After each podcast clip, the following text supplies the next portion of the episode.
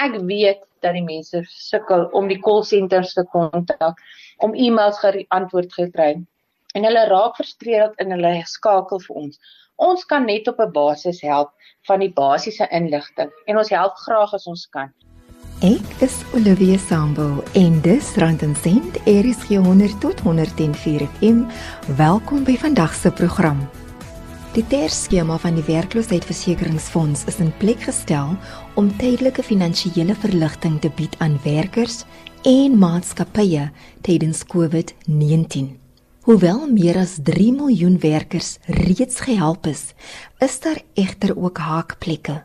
Een van die groot frustrasies is dat alle aansoeke by die hoofkantoor van die departement van werkverskaffing en arbeid in Pretoria verwerk word. Anton de Korte is die hoofadministratiewe klerk by die departement in die Noord-Kaap. Sy beamoen dat hulle ongelukkig nie veel kan help met ters aansoeke nie, want hierdie proses is gesentraliseer. Die mense moet onthou, almal wat op lockdown geplaas is, was dit 'n groot komplikasie vir ons almal gewees. En net so vinnig as dat die minister gesê het jy gaan kan eis vir UIF, so vinnig moet ons 'n stelsel bymekaar sit sodat hierdie mense kan betaal word en dat daar nie soos ons sê 'n double dipping is nie. Met ander woorde dat jy nie vir UIF en vir ters aansoek doen. So dit is nou net ongelukkig by hoofkantoor wat jy kan wel aansoek doen vir ters. So jou inligting gaan soen toe en hulle sal dan vir jou moet e-mail stuur en jy moet met hulle praat ek weet dat die mense sukkel om die call centers te kontak, om e-mails geantwoord te kry. En hulle raak frustreerd in hulle skakel vir ons. Ons kan net op 'n basis help van die basiese inligting en ons help graag as ons kan. En daar is sekere goeders wat ons nie kan nie. Die eerste ding wat ek net ook wil noem is ons ken nie eers die stelsel nie. Ons kan nie self op ters ingaan want jy moet jouself as 'n werkgewer registreer. So ek kan nou nie ingaan en sê ek is 'n werkgewer net om te sien hoe werk hierdie stelsel wat die werkgewers moet op ingaan. So dit is net so vreemd ongelukkig vir ons as wat dit vir die mense daar buite is. Maar ek sê nie ons is onnosel en ons weet nie wat aangaan nie, maar wat ek probeer sê is daar's net 'n basiese inligting wat ons vir julle mee kan help. Ongelukkig hoofkantoor gaan vir jou kan sê hoekom is jou gelde nie uitbetaal nie want jy verdien mooi die maksimum of jy weet jy het nie bygedra tot die fonds nie. Daar is wel basiese inligting wat op provinsiale vlak verskaf kan word. Wat ek kan doen persoonlik nou net is ek kan gaan sê okay meneer gee vir my of mevrou gee vir my jou UIF nommer. Ek kan gaan kyk en sê mevrou volgens my rekords is daar twee mense. Dan kan die werkgewer vir my sê nee maar ons is 20. So dan kan ek vir die persoon sê maar die rede hoekom jou terse nie uitbetaal is nie, is omdat die mense genie gedeklareer is nie. Onthou ons het al jare vir die mense gesê UIF moet maandeliks gedeklareer word en maandeliks betaal word. Nou wat gebeur het? Die mense het maandeliks betaal, nie 'n probleem nie, maar het nooit gedeklareer nie. Nou is sterf daar, nou wil almal aansoek doen, hulle hardloop soos masjiene reg het departement toe om hulle ters aansoeke te gaan indien, hulle het nooit gedeklareer nie. So hoe kan ons uitbetaal of hulle ters uitbetaal, maar ons kan nie sien dat 'n persoon wel geregistreer is op daardie stelsel nie. So dit is vir ons belangrik dat dit maandeliks nog steeds gedoen word na ters verby is. Die tydelike verligtingskema is in plek gestel vir werkers wat op verlof moes gaan tydens die inperking, werkers wat tydelik afgelê is of vir werkgewers wat nie aan hulle werkers hulle volle salarisse kon betaal het nie. Maar as jy vir ters aansoek doen, kan jy nie vir werkloosheidsversekering ook aansoek doen nie. Dis of ters of UIF, of UIF of ters. Jy kan nie beide aansoeke doen nie. Ons help jou vir die tydperk wat jy nie 'n salaris kry nie of 'n minder salaris kry. So die mense moet net eerstens onthou, jy kan nie vir beide aansoek doen nie. So baie keer wat gebeur is die persoon kan ek 'n voorbeeld gebruik en sê die mense was op siekverlof. Nou, hy het 'n operasie ondergaan, hy's nou vir 6 maande nou nie by die werk gewees nie. Hy het nou kom aansoek doen vir UIF. Nou die 7de maand wil hy teruggaan. Nou val dit in die tersperiode. So nou stop ons die UIF. Nou kan die werkgewer gaan aansoek doen vir die 7de maand vir ters vir hom. Maar hy kan nie vir hom in die vorige 6 maande gaan uitsit want hy het alreeds UIF gekry. So die mense moet net onthou dat ters is net daar om jou te help. Die werkgewer te help en onthou die werkgewer kry ook nie 'n inkomste nie. So vir hom is dit net so moeilik om vir jou te betaal want sy besigheid is toe. So hy kry nie 'n inkomste nie om jou te betaal nie. So ons help die werkgewer sodat jy ten minste 'n salaris het sodat jy kan aangaan met die voordele, weet dat jy dan kan die eis verder vat en dan kan jy daarom survive vir die tyd wat jy dan by die eis is. Werkers wat 'n werkloosheidsversekering aansoek doen, kan hulle self gaan registreer op die aanlyn stelsel, beter bekend as U-filing. Jy kan aansoek doen by www.ufiling.co.za skuinstreep UIF skuinstreep Die probleem is wat die mense doen is hulle gaan na iemand wat hulle wil help, né, en dan betaal hulle nou die persoon. En dit is heeltemal nie regverdig nie want ons stelsel is gratis vir enige persoon daar buite. So die mense moenie ander mense betaal om dit te doen nie, want hulle kan dit self doen. Hulle moet hulle self net registreer.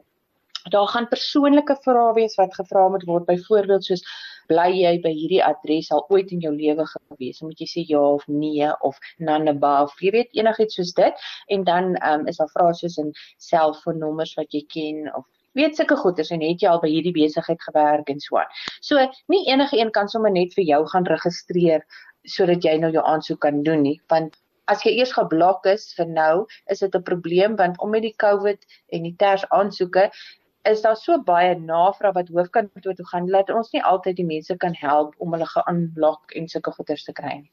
So jy moet jouself geregistreer. As jy jou paswoord en goeders vergeet, reset eerder die paswoord na die tweede keer.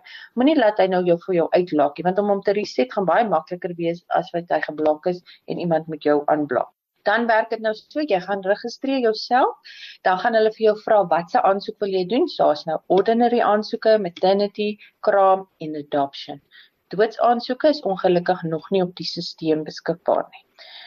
Daar is verskriklik baie dokumentasie wat daarmee gepaard gaan. Want jy kry verskillende doodsvoordele ook. Jy kry life partner jy kry spouse jy kry guardian individual learners kinders wat studente is, dan kry jy nou mos die nominated wat mos nou 'n nuwe ding is. So daar's so baie doodsgoeters en soveel dokumentasie wat met elke aansoek gepaard gaan. Dit is die rede hoekom dit nie op die stelsel is nie. En ons kan ekstra dokumentasie ook aanvra om seker te maak dat die inligting wat ons het wel korrek is. So wat nou gebeur is hulle sal die um aansoekvorm van die stelsel af kan laai www.labor.gov.za kan hulle al die dokumentasies aflaai.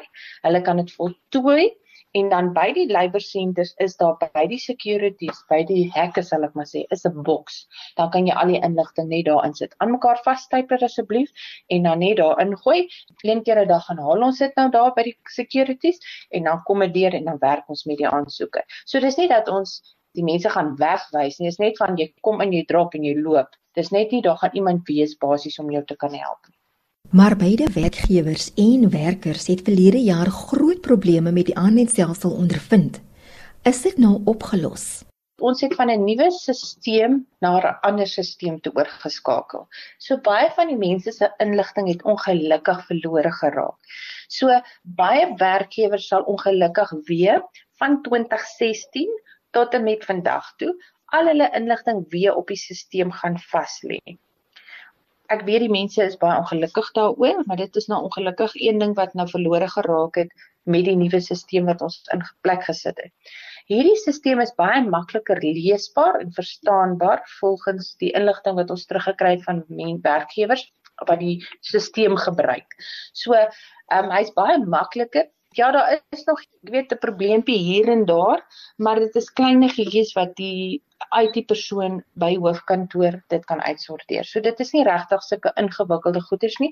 Wat die werkgewers partydelik verkeerd te doen, hulle lê die um, declaration vas met ander woorde lê die salaris vas van daardie persoon en dan druk hulle net nie die report knoppie op die einde nie. So hulle dink hulle het dit vasgelê, maar dit is nooit deurgegee na ons toe nie. So dit lê op hulle stelsel, die U-filing stelsel, maar dit kom nie deur na ons stelsel wat ons wel gebruik van Department of Labour nie.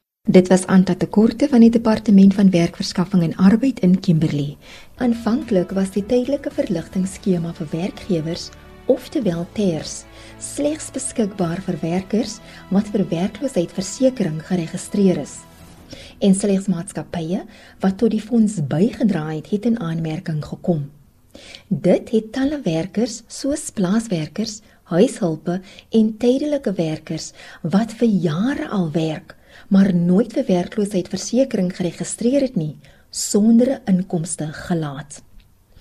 Na 'n dringende hofaansoek het die hof beslis dat werkers wel kan eis van die werkloosheidsversekeringsfonds al het hulle nie geregistreer by die fonds nie.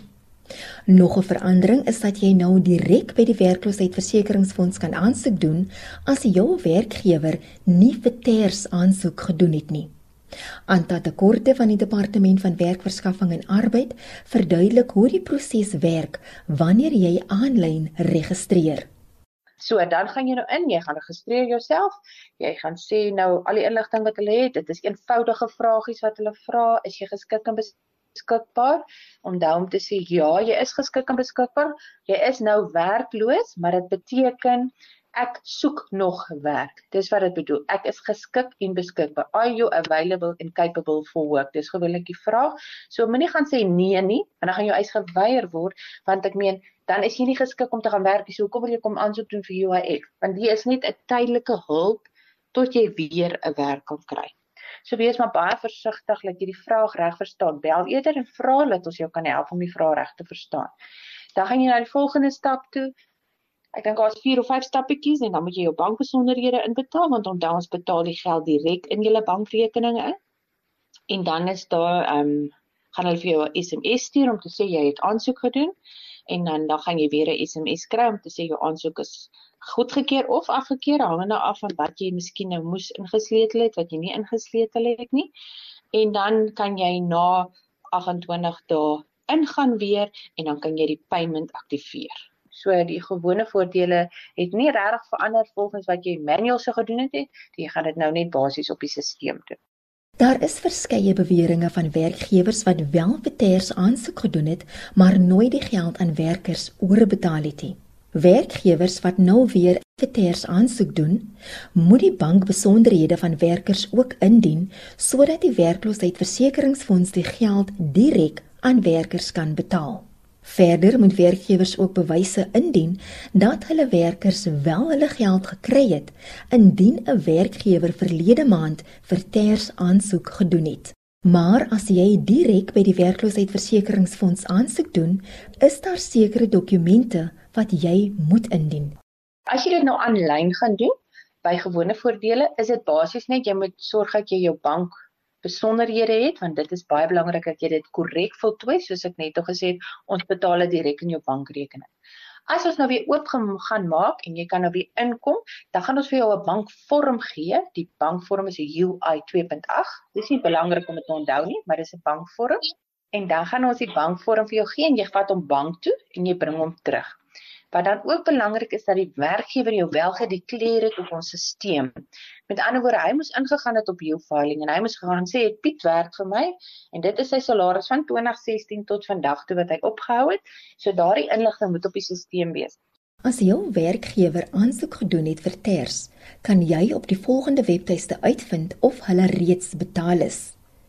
Dis uif.ecc.labor.gov www.za skuins streepie COVID-19 skuins streepie COVID-19. Dis UIF ecc.labor.gov.za skuins streepie COVID-19 skuins streep COVID-19. Stuur gerus 'n WhatsApp teks of stemboodskap na 076 536 6961. Jy kan ook 'n e-pos stuur na randencent.rsg@gmail.com. Skakel ook in op die DSTV kanaal 813 of luister aanlyn by www.rsg.co.za waar jy ook die program kan aflaai. Die werklikheid vir talle werkers is dat hulle nou met veel minder moet klaarkom. Rieke Snell, geakkrediteerde finansiële adviseur by PSG Wealth, gee raad oor hoe jy jou begroting kan aanpas om finansiëel te oorleef. So enige begroting het 'n mate van kom ons noem dit vet in. Enige begroting, al is iemand 'n loonwerker, al is iemand jy weet baie floreerend. Elke liewe item op daai uh begroting het 'n mate van besluitneming in. Goed, so selfs hoe mense bly, wat hulle aantrek, wat hulle eet, uh hoe hulle kommunikeer, hoe hulle reis en vervoer, elke item het 'n besluitnemingskomponent in. Nou as iemand vir my sê Rikus, van volgende week af moet jy met 50% van jou normale inkomste funksioneer of selfs 'n derde, is daar tog dramatiese besluitveranderinge op my begroting nodig. Die boodskap wat ek vandag wil sê is eerstens natuurlik, ek dink die slegste scenario is as iemand heeltemal uh, geen inkomste want ek is bewus van dit ook. Daar's heelwat mense en dit kan gegoede mense wees of dit kan reeds arme mense wees wat geen inkomste het. Dit is basies die heel slegste scenario. Maar elke item al is dit 'n derde van jou salaris wat wat iemand mee moet uitkom of loon moet gaan prioritiseer wat is die absolute noodsaaklike wat is die absolute minimum wat ek uh, mee oor die weg kan kom en eintlik kan aanhou funksioneer? En ek dink dis waar ek dan terugkom waar ons begin het om te sê waar is my plek van minimum operasionele oorlewing?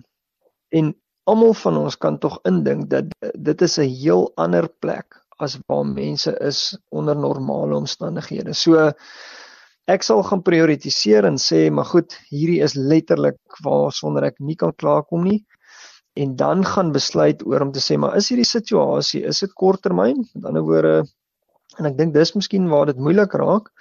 Vir hoe lank gaan dit so wees? Dis nou die moeilike deel. Maar ek sê maar net tot iemand eintlik maar kan sien dat dit verbeter. Het hulle nie eintlik 'n keuse as om te sê maar hierdie situasie is 'n mediumtermyn situasie. Uh ek sal eerder die harde besluite nou neem. Goed. En my reserve soos oordeelkundig as moontlik toepas as wat dit is om te sê maar dis net vir 2 of 3 maande en as dit nou 4de maand is dan uh, dan val ek om nie. So ek dink daar's regtig harde besluite vir almal van ons in elkeen se begroting en dit kom reg terug na ekstra dissipline oor die volgende paar maande. Herman van Papendorp, hoof van beleggings en bateallokasie by Momentum Beleggings, is van mening dat hoewel ons vasgevang is in 'n ontsettende groot krisis, moet ons nie tou opgooi nie. Kyk, ek dink wat 'n mens moet moet uh, vir jouself net in perspektief plaas, is dat ja, hierdie is 'n baie groot ramp vir die mensdom. Maar ons het al baie ander groot rampe ook gehad. Ons het die groot depressie gehad in die 1930s waar mense gesê het jy gaan nooit weer herstel daarvan nie. Daar was die olieskok van 1973 waar mense, jy weet, skielik moes betaal het vir olie. Olie het 4 keer uh, opgegaan in prys. Uh, ek dink dit was iets van 2 dollar na omtrent 210 dollar 'n vaatjie in 1973 en mense het gesê jy weet omdat die hele wêreld op uh, op olie hardloop gaan dit die einde van die wêreldekonomie beteken. Dit was nie die einde van die wêreldekonomie nie, net so was die groot depressie nie die einde van die wêreldekonomie nie. Ons het gesien uh, met die 2008-2009 finansiële krisis, mense gesê dis die einde van die finansiële stelsel. Ons gaan moet teruggaan na, jy weet, handel uh, wat net eenvoudig uh, ruiltransaksies wees in die ekonomie en dis die einde van die finansiële sektor soos dit ken en dit was nie. Jy weet, mense dink altyd wanneer jy binne in hierdie krisisse is, dat dis die einde van die mensdom en dis die einde van die wêreld soos ons dit ken. En daar is altyd veranderinge wat gebeur nadat uh, ons uit hierdie krisis kom maar die mensdom is eintlik baie robuust en word nie so vinnig uh, ondergedruk nie. So ek dink 'n mens moet ook net perspektief behou. Hier is 'n virus dis baie negatief vir die aardse saak baie mense sal ongelukkig sterf en sterf al reeds maar dit is nie die einde van die wêreld soos ons dit ken nie. En ons gaan heel waarskynlik oor 10 jaar terugkyk en sien dat jy weet hierdie was 'n ernstige humanitêre gevolg, maar dit is nie die einde van die wêreld soos ons dit ken nie. Dit was Herman van Papendorp van Momentum Beleggings. Ek het ook gesels met Rieke Snell van PSG Wealth en Anta Tekorte van die Departement van Werkverskaffing en Arbeid in die Noord-Kaap. Ek is Olivia Sambo en ek groet tot 'n volgende keer. Die program word weer Woensdagoggend om 04:30 herhaal. Totsiens.